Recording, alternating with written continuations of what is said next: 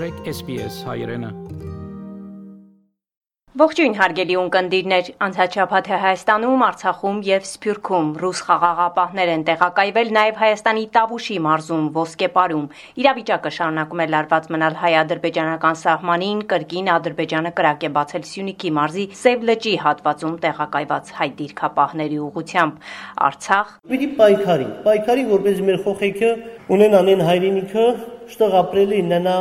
հպարտանալու եւ բարձրանալու տեղ։ Այս եւ մյուս նորությունները մանրամասն նախ մի քանի կարճ նորություն։ Օգոստոսի 7-ն ասորիների ցեղասպանության զոհերի հիշատակի օրն է առաջին համաշխարհային պատերազմի ընթացքում հայերի հետ միասին Օսմանյան պետության ցեղասպան քաղաքականության զոհ դարձան նաեւ կայսրության մյուս քրիստոնյա փոքրամասնությունները, օսմանահպատակույները, ասորիները, ինչպես նաեւ եզդիները։ Առ այսօր մի շարք երկրներ եւ պետությունների նահանգային իշխանություններ դատապարտել են ասորիների ցեղասպանությունը 2015-ին էլ Հայաստանի ազգային ազգային ժողովը ընդունած հայտարարությամբ ճանաչել եւ դատապարտել է ասորիների ցեղասպանությունը։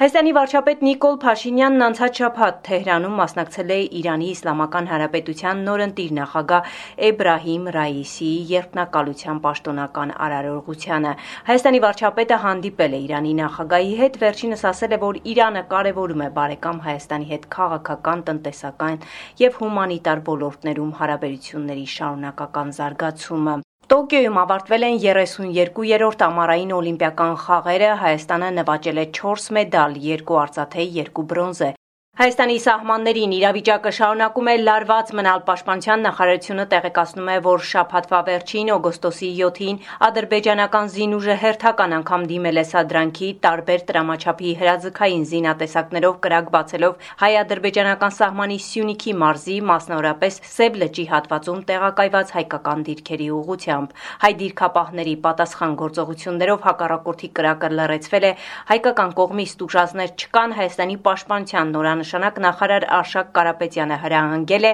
կասեցնել Հայաստանի սահմանը հատելու հակառակորդի բոլոր փորձերը։ Հակառակորդը ոչ մի ձև չպետք է նույնիսկ մտածի ներթափանցել։ Դրա համար կորպուսի հրամանատարը եւ զորամասի հրամանատարները, ստորաբաժանումների հրամանատարները, սկսած դիրքի հրամանատարից ունեն բոլոր իրավունքները կիրառել բոլոր միջոցները մեր սահմանները պաշտպանելու նպատակով։ Միևնույն ժամանակ մենք ոչ մի ձև չենք ուզում ոչ մի ուղղության վրա սրացումներ, բայց եթե փորձեցին ներթափանցել մեր տարածք, ես բոլորիդ հրամայում եմ կիրառել բոլոր միջոցները, որ այդ միտումները հաջողության չհասնեն։ Հայաստանի պաշտպանության նախարարությունը հաստատել է լրատվամիջոցներով շրջանառվող տեղեկությունը, որ Տավուշի մարզում մասնավորապես Ոսկեպար համայնքում ռուս զինծառայողներ են տեղակայվել։ Ռազմական գերատեսչությունը նաև ընդգծել է, որ շին աշխատանքներն իրականացվում են սահմանապահների թիկունքային ապահովման շինությունների կառուցման նպատակով, տվյալ գործընթացն իրականացվում է հայ-ռուսական համագործակցության շրջանակում։ Ռուսաստանի արտգործնախարարության ներկայացուցիչը հայտարարել է, որ Ռուսաստանը նոր ուժեր է տեղակայում հայ-ադրբեջանական սահմանին, նշելով, որ սահմանի կայուն դեսկալացիան կարող է ապահովել միայն Ադրբեջանի եւ Հայաստանի միջև սահմանազատման աշխատանքների շուտապույտ վերսկսումը։ Հայաստանում տարբեր կերպ են մեկնաբանում ռուս սահմանապահների տեղակայումը նաեւ ոսկեպարում։ Լրագրող Թաթուլ Հակոբյանն այդ մասին ասում է. Ռուսների այստեղ գալու հնարավոր պատճառներից մեկը կարող է լինել այն, որ հնարավոր է, որ տեղի ունենա անկլավների փոխանակություն, ինչի մասին ամենաբարձր մակարդակով խոսվում է, եւ երբ որ Հայաստանի իշխանությունները հայտարարում են, որ իրենք կողմ են սահմանագծման եւ սահմանազատման աշխատանքների,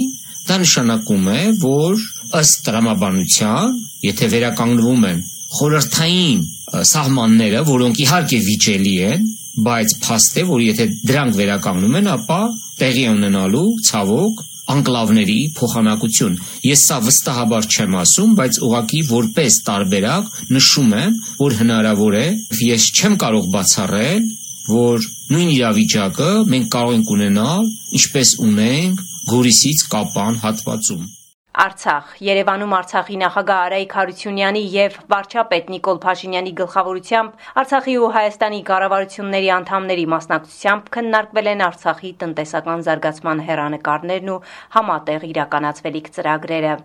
Վերջերս մենք նաև Արցախի նախագահի հետ աշխատանքային հանդիպումներում այդ թեման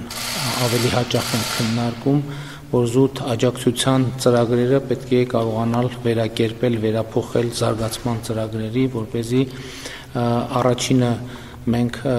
հարցը Արցախի բնականոն կյանքի վերականգնումը վերաձևակերպենք եւ դարձնենք Արցախի տնտեսության բնականոն զարգացման հունը վերականգնելը եւ ես ուրախ եմ, որ մենք այս ուղությամբ արդեն կոնկրետ կոնկրետ անելիքներ ենք նշмарում Նախագահ Արայք Հարությունյանն էլ նշել է, որ հետպատերազմյան իրավիճակում միանշանակ հաջողվել է Հայաստանի կառավարության հատկացրած ռեսուրսների հաշվին Արցախում պահպանել կայուն սոցիալական վիճակ։ Սոցիալական առումով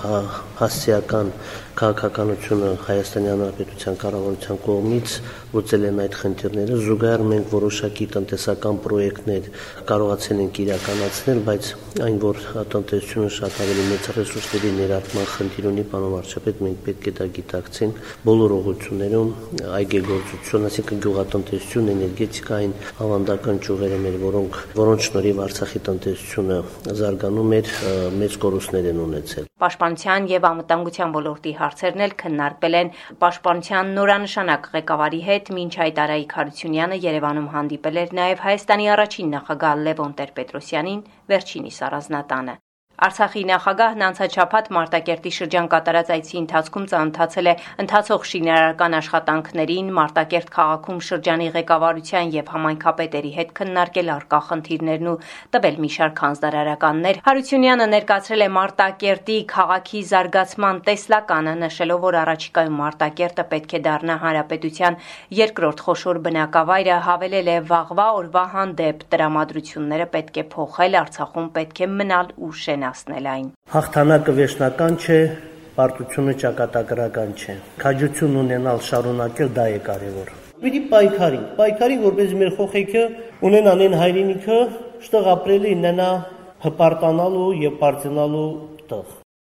Սփյուռք հայ բարեգործական ընդհանուր միության աջակցությամբ Ֆրանսիայում ծնունդ առած հայ կամավորականների շարժման անդամները հերթական ծրագրով Հայաստանում են, այս անգամ նրանք վերանորոգում են Դիլիջան քաղաքի դպրոցներից մեկը։ Ամեն տարի կամավորները տարբեր ծրագրեր են իրականացրել Հայաստանում եւ Արցախում, նորոգել են նաեւ սահմանամերձ գյուղերի դպրոցներ, Այս տարի որոշեցինք Դիլիջան, որովհետև շատ ենք սիրում այս քաղաքը, սիրուն քաղաք է,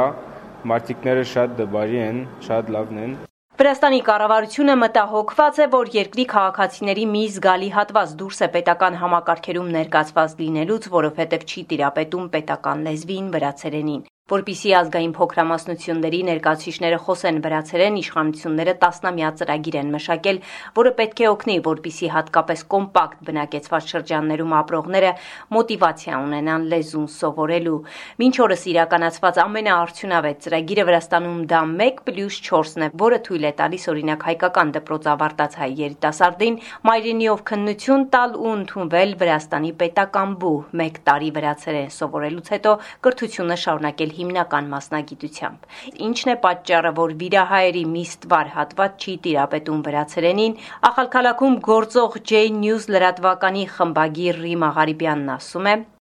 բայց այսօրվա դրությամբ երեխեքը ովքեր ավարտում են դպրոցները, մեր մոտ Ջավախքում ավարտում են դպրոց, նրանք չեն տիրապետում վրացերեն, նրանք ընդունվում են բուհեր, նոր սկսում են նորմալ տիրապետել վրացերենին շեշտը պետք է դրվի էլի եւ էլի երիտասարդների վրա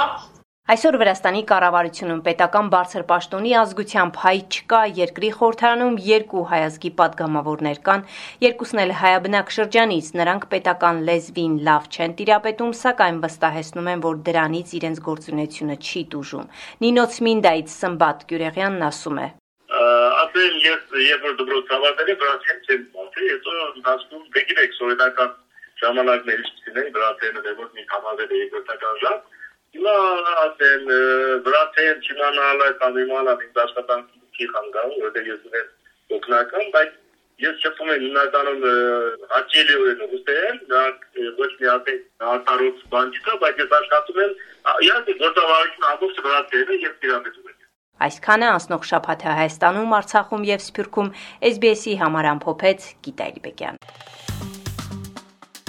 Հավնե, լայք, բաժնեկցե, դարձիկը թայտնե, հետեւե SBS հայրենին թիմադեդի վրա։